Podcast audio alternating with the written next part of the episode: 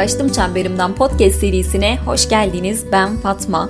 Burada başkalarının çizdiği rotadan gitmek yerine kendi yolunun yokuşunda yorulmayı seçen insanlardan, ilham veren kitaplardan, filmlerden, belgesellerden ve daha pek çok şeyden bahsediyorum.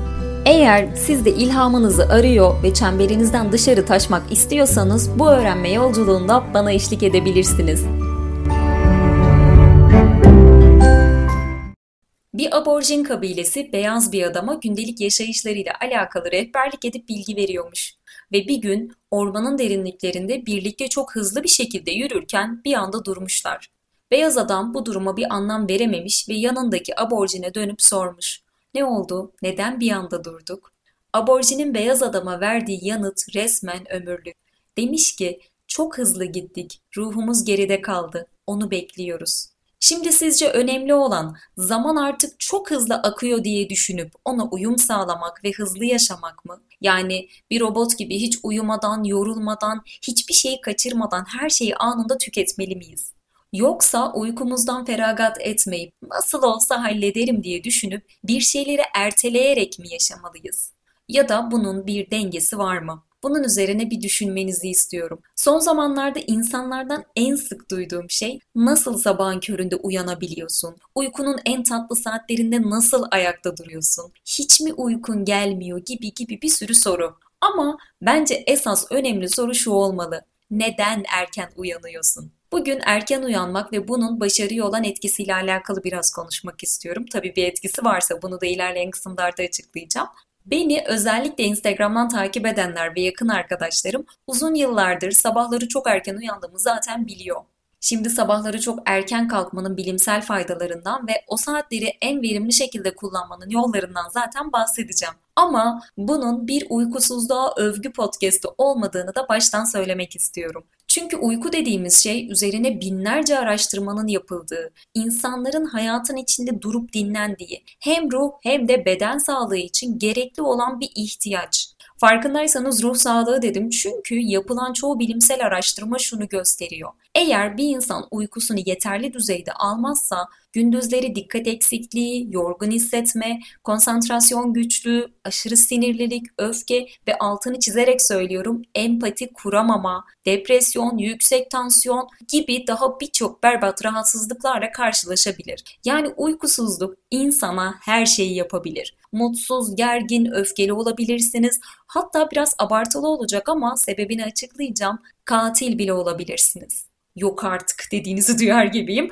Ama şu hikayeyi dinledikten sonra bana katılacağınıza eminim. İkinci Dünya Savaşı'nda Hitler ordusu yani Naziler düşmanlarıyla yıldırım savaşı taktiğiyle savaşıyordu. Bu taktiğin amacı hızlı ve ani saldırılarla düşmanın düzenli bir savunma kurmasını engelleyip sonra da hiç yorulmadan hızlı bir şekilde onu yok etmek üzerine kurulu. Hiç yorulmadan dememin sebebi şu tarih 1937'yi gösterdiğinde Nazi askerleri verdikleri mücadeleye hiç ara vermeden, yorgun hissetmeden ve neredeyse hiç uyumadan devam etsinler diye bir ilaç üretildi. Ve bu ilacın adı Pervitin. Yani bir nevi uyuşturucu. Ve o dönemler bu ilaç Almanya'da enerji verici olarak reçetesiz bir şekilde satılıyordu. Yani halk da bu ilacı kullanabiliyordu. Hitler tarafından 1940 baharında Fransa'ya ilerlemeden önce askerler için tam 35 milyon tablet pervitin siparişi veriliyor. Ve normal şartlar altında Fransızlar Nazilerin Fransa'nın Sedan şehrini ele geçirmelerinin 2 hafta süreceğini düşünüyorken Naziler bu şehri tam 3 gün 3 gecede ele geçiriyor ve bu süre zarfında Perviti'nin etkisiyle hiç uyumayan askerler durmadan savaşıyor. Çünkü bu ilaç askerlerde önce uykusuzluğa ardından dengesiz ve hiç bitmeyecekmiş gibi gelen bir enerjiye ve empati yoksunluğuna sebep oluyordu. Ki uykusuzluğun da empati yoksunluğuna sebep olduğunu az önce söylemiştim. Ayrıca şunu da eklemek istiyorum. Normalde Birinci Dünya Savaşı'ndan sonra Alman askerlerinin çoğunun savaşamayacak kadar kendilerini yorgun hissettiklerine, hatta bazılarının depresyonda olduklarına dair birçok doktor raporu da mevcut. Yani İkinci Dünya Savaşı'nda bu askerlerin bir anda toparlanıp bir ölüm makinesine dönüşmesinin ve Polonya'daki Yahudilere yaptıkları insanlık dışı davranışların Başka türlü bir açıklaması olamaz. Ki bu ilacın etkisiyle askerlik tarihinde ilk defa bir ordu gece dinlenmeye ihtiyaç duymuyor. 3 gün 3 gece ayakta hiç durmadan sürekli savaşmak, insanları zevk uğruna gözü dönmüş bir şekilde ve hiç etkilenmeden katletmek normal bir insanın yapabileceği türden bir iş değildi. Bu arada bu konuyla alakalı çok ünlü bir film var. Kült filmlerden biridir. Schindler'in Listesi. İzlemediyseniz mutlaka izleyin derim. Nazi zulmünü en şeffaf anlatan filmlerden biridir. Bir de Netflix'te 2. Dünya Savaşı'nın en önemli olayları adında bir belgesel var. Hatta bu ilaç olayı orada da geçiyor. Onu da izleyebilirsiniz. Şimdi uykusuzluk mevzusuna geri dönmek gerekirse belki Nazilerin kullandığı ve onları uykusuz bırakan ilaç çok ağır bir örnek gibi gelmiş olabilir. Ama zaten bence bir insanın bu denli uç bir noktaya gelmesi için ilaç kullanmasına da gerek yok. Çevrenizdeki insanlara bir bakın. Uykusuzluk problemi yaşayan kişiler genellikle hayatı başkalarının da burnundan getiriyor. Negatifliğiyle, anlayışsızlığıyla, ama bir de bu uykusuzluğa iyi tarafından bakıp onu değerlendirenler var. Çok tuhaf alışkanlıkları olsa bile. Mesela bu isimlerden biri Leonardo da Vinci. Rönesans döneminin ünlü ressamı, yazarı, heykeltıraşı, filozofu, astronomu, mimarı, mühendisi, mucidi ve daha pek çok şeyi olan Leonardo da Vinci, polifazik yani çok evreli uyku düzenini benimsemiş. Her 4 saatte bir 15-20 dakika şekerleme yapmaya dayanan bu düzenle günde yaklaşık 22 saat verimli bir şekilde çalışıyordu. E zaten bu kadar çok alanda başarılı olmasının başka da bir açıklaması olamaz. Ve bu arada benim en çok ilham aldığım ve kıskandığım isimlerden biri Leonardo da Vinci. Çok yönlü olması, çalışkanlığı ve her alanla alakalı biraz değil, tam donanımlı olması bence çok mükemmel bir şey. Bir de uykusuzluktan mustarip olan isimlerden biri de Charles Dickens. Dickens da ünlü bir uykusuzluk hastasıydı ve onun bu hastalıkla başa çıkabilmek için birkaç garip alışkanlığı vardı. Mesela yatağı her zaman kuzeye bakarmış ve hatta bundan emin olmak için gittiği her yere yanında bir pusula götürürmüş. Yani yüzünü sadece kuzeye dönerse uyuyabileceğine inanıyormuş. Bir de bazı zamanlar uykusu gelmeyince saat gecenin kaçı olursa olsun hiç umursamadan evden çıkıp saatlerce uykusu gelene kadar Londra sokaklarında yürürmüş. Bir de hedeflerinin büyüklüğünden ya da yaptığı işlerden dolayı yaşamının tek bir zerresini bile boşa harcamayan ve bu yüzden az uyuyan insanlar var. Bunlardan biri Julius Caesar. Roma dünyasının tek hükümdarı olabilmek için sürekli at sırtında olan Caesar günde yaklaşık 3 saat uyuyordu. Hatta bu yüzden ona döneminde uykusuz imparator deniliyordu. Bir de Mustafa Kemal Atatürk var. O da aynı şekilde az uyuyan isimler arasında. Ve hem az hem de çok düzensiz uyuyan Mustafa Kemal genellikle geceleri çok geç saatlere kadar düşünüyor ve kitap okuyordu. Hatta bir önceki podcast'te İlber Ortaylı'nın son kitabından bahsetmiştim hatırlarsınız.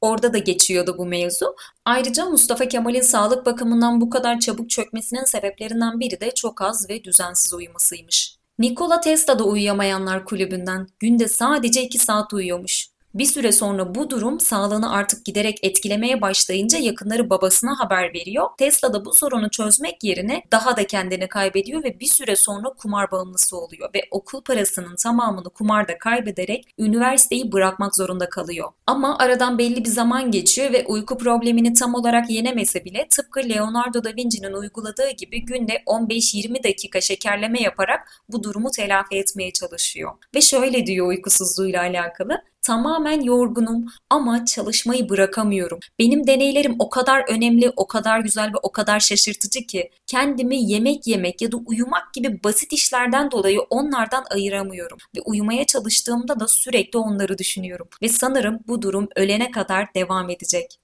Bir de uykusu geldiği halde buna direnen biri var. Bunların başında Balzac geliyor. Ki Balzac da eserlerini yazarken uykusu gelmesin diye günde abartısı söylüyorum arkadaşlar 40 bardak kahve içermiş ki yazdığı o ciltlerce kitaba bakınca hakkını da vermiş diyorsunuz. Hatta bu kahve tutkusuyla alakalı yazdığı bir makale var. İsmi de kahvenin hazzı ve sancıları şeklinde. Orada kahveyi öyle bir şekilde tarif ediyor ki sanki aşkını anlatıyor gibi. O derece bağımlı, müptela yani. Ve tabii ki sonu da kahveden olmuş. Kahve zehirlenmesinden öldü Balzac. Bir de uykusuzluk olayını çok abartmayıp orta düzeyde bir düzeni olanlardan bahsetmek istiyorum. Bunlardan biri Mozart. Günde sadece 5 saat uyuyormuş ve mutlaka gece 1'de uyuyup sabah 6'da uyanıyormuş ve bestelerini de genellikle ya uyumadan hemen önce ya da uyandıktan hemen sonra yapıyormuş. Bir de Napolyon var. Napolyon da günde 6 saat uyuyormuş ve onun uyku düzeni biraz daha karışık. Mesela akşam ondan gece 2'ye kadar uyuyor. Sonrasında uyanıp 5'e kadar çalışıyor. Ardından tekrar uyuyor. Sonra 7'de tekrar uyanıp çalışmaya devam ediyormuş. Bir de kendi üzerinde yaptığı deneylerden dolayı Freud günde 6 saat, Einstein ise 10 saat uyuyormuş. Yani uykuya doyan sadece Einstein'mış. Yani toparlamak gerekirse az uyuyanlar çok zeki, çok çalışkan ya da sadece aptallar 8 saat uyur gibi genel bir yargıda bulunmak bence çok doğru değil.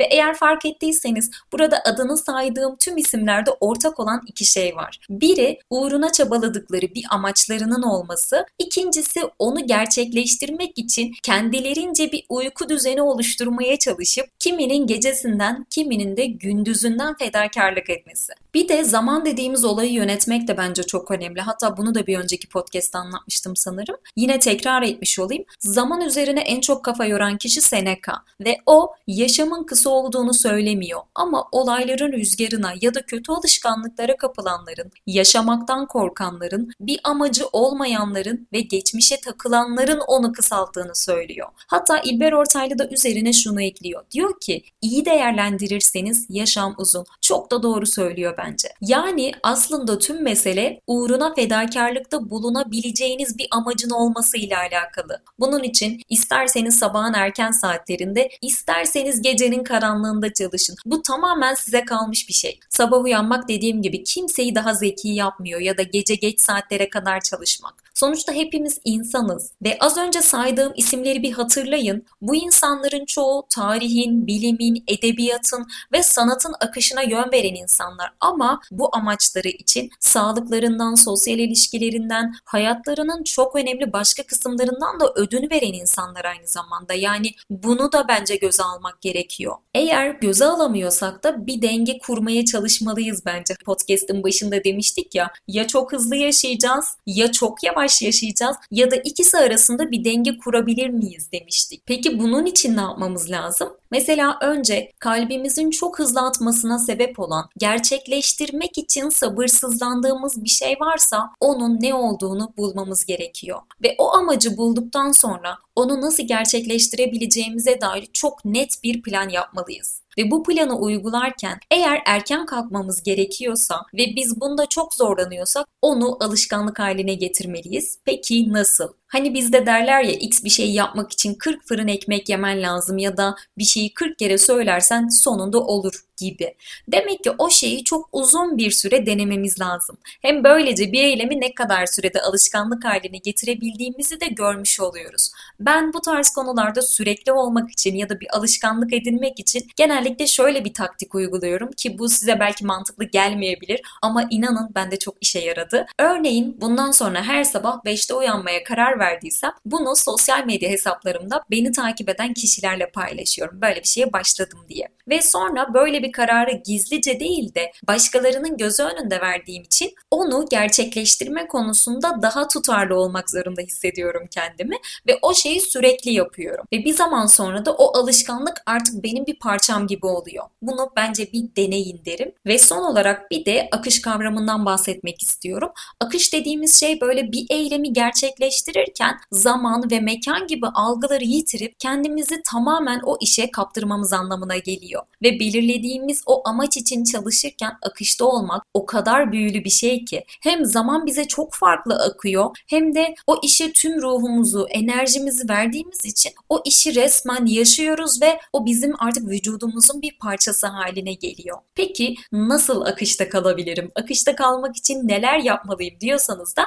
şöyle söyleyeyim. Akışta olmanın temel koşulu hedefinizin net olmasına bağlı. Bir de gerçekleştirmeyi istediğiniz o hedef için etrafınızda dikkatinizi dağıtacak şeylerin olmaması gerekiyor. Yani o telefonu elinize almayın. Yarım saat bildirimlere bakmayınca dünyanın sonu gelmiyor arkadaşlar. Bir de ne kadar yol aldığınızı, neleri gözden kaçırdığınızı ya da o amacınıza ekleyebileceğiniz fırsatları sürekli kontrol edin. Bu sizi daha da motive edecektir.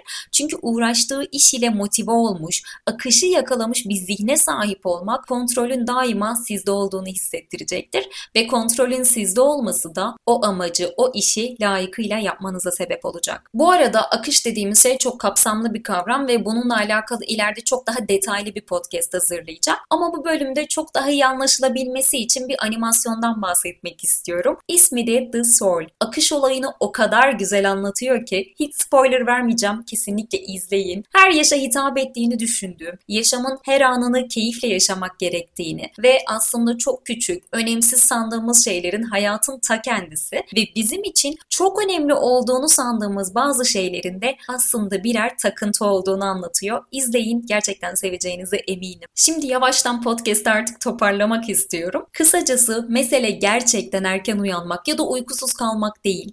Tüm olay aslında tutkunuzu bulmak ve o tutkuyu gerçekleştirme uğruna bazı alışkanlıkları zor da olsa edinebilmek ve bu uğurda gerekirse 40 fırın ekmek yemek ya da bazı alışkanlıkları bırakmayı göze alabilmek. Bazen akışta olup zamanın nasıl aktığını unutmalı, bazen de hayatın içine karışmalı. Her ikisi de çok kolay değil, her ikisinin de ödettiği bedeller var. Ama bunların arasında bir denge kurabilirseniz zaten tadından yenmez. Ama eğer o dengeyi kuramazsanız podcast'in ta en başında bahsettiğimiz o aborjin hikayesinde olduğu gibi işler yetişir, amacınıza ulaşır ama ruhunuz ve kalbiniz daima geride kalır. Umarım o dengeyi sağlayabildiğiniz, ruhunuzun koşuşturduğunuz işlerin gerisinde kalmadığı ve uğraştığınız işin akışına kapıldığınız zamanlarınız çok olur. Beni Taştım Çemberimden isimli Instagram hesabımdan takip edebilir, yorum ve önerilerde bulunabilirsiniz. Ayrıca bahsettiğim animasyonu izledikten sonra bana düşüncelerinizi yazmayı, Fatma biz de buradayız, seni dinliyoruz demeyi unutmayın. Kendinize iyi bakın, hoşçakalın, bay bay.